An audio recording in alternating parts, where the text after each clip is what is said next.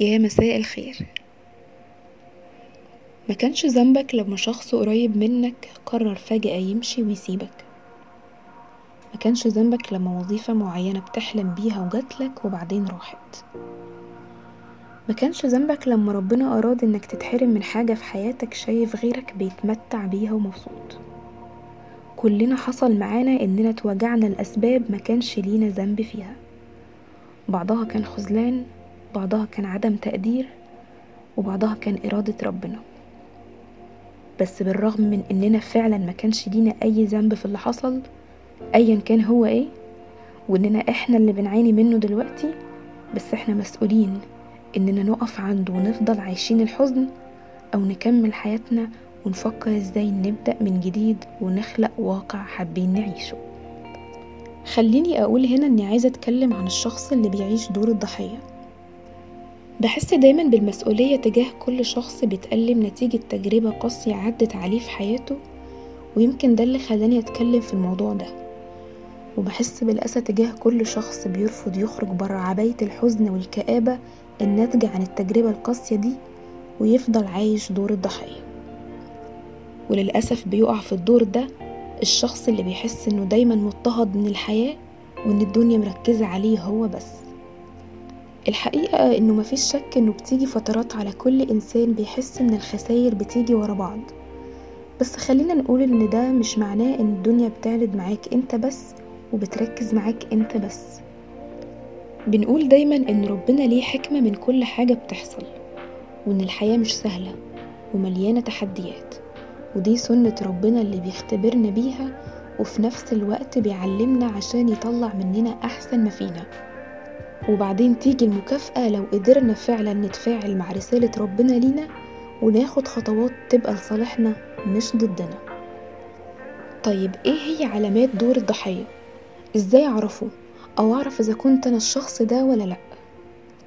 هتلاقيه شخص دائم الشكوى بيشتكي من كل حاجة ولكل الناس ودي العلامة الأولى. العلامة التانية هتلاقيه دايما بيرفض أي حلول مقترحة أو بيطلع لك فيها القطط الفطسانة زي ما بيقولوا. يعني مثال بسيط جدا.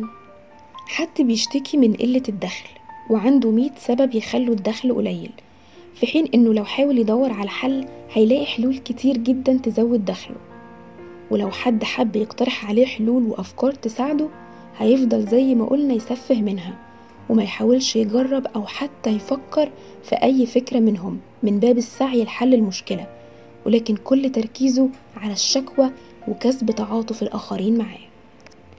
إنك تحط إيدك على المشكلة وتعترف لو أخطأت أو قصرت وإنك تبادر وتدور على حل وتسعى إنك تصلح الوضع بيخليك إنسان قوي قادر يفهم معنى الحياة ومعنى المسؤوليات وتتعامل معاها بسهولة ورضا. خد حقك في إنك تتألم وتحزن على اللي حصل لكن ما تستسلمش. ابدأ مع وجود الألم ده إنك تاخد خطوة لقدام للأحسن لأن الإنسان دايما عنده الفرصة يخلي اللي جاي أحسن ربنا ادانا الحق في ده. مع الوقت هتلاقي نفسك خرجت من الإحساس ده لإحساس أحلى بكتير الإحساس بالانتصار والتجاوز وإنك أقوى من اللي حصل.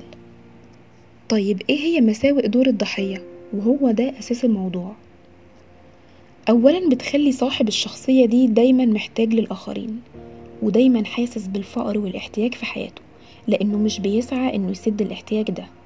والفقر هنا مش معناه بس الفلوس معناه النقص عموما في أي حاجة حسب هو بيشتكي من إيه.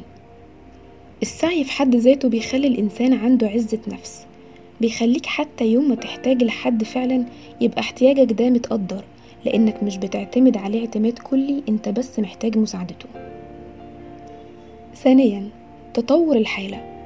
يعني صاحب الشخصية دي ممكن توصل بيه إنه يفكر إن ربنا دايما ظلمه ودايما حرمه ومش عايزه يفرح. والعياذ بالله حاشاه ربنا إنه يعمل كده. بالعكس ربنا دايما بيبعت لنا فرص بس إحنا اللي بإيدينا نشوفها أو نغمي عينينا عنها.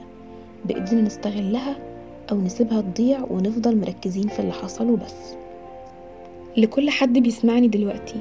بقولك خد قرار إنك برغم كل حاجة صعبة حصلت كسرتك ووجعتك إنك تكون مسؤول إنك ما تكملش في, في كونك ضحية. دور الضحية لازم يجيله وقت وينتهي ويبدأ دور جديد دور الشخص اللي اتعلم واستفاد دور الشخص اللي عايز يعيش تجارب جديدة حلوة. هختم كلامي بمقولة معروفة أن تشعل شمعة خير لك من أن تظل تلعن الظلام. ودمتم بألف خير.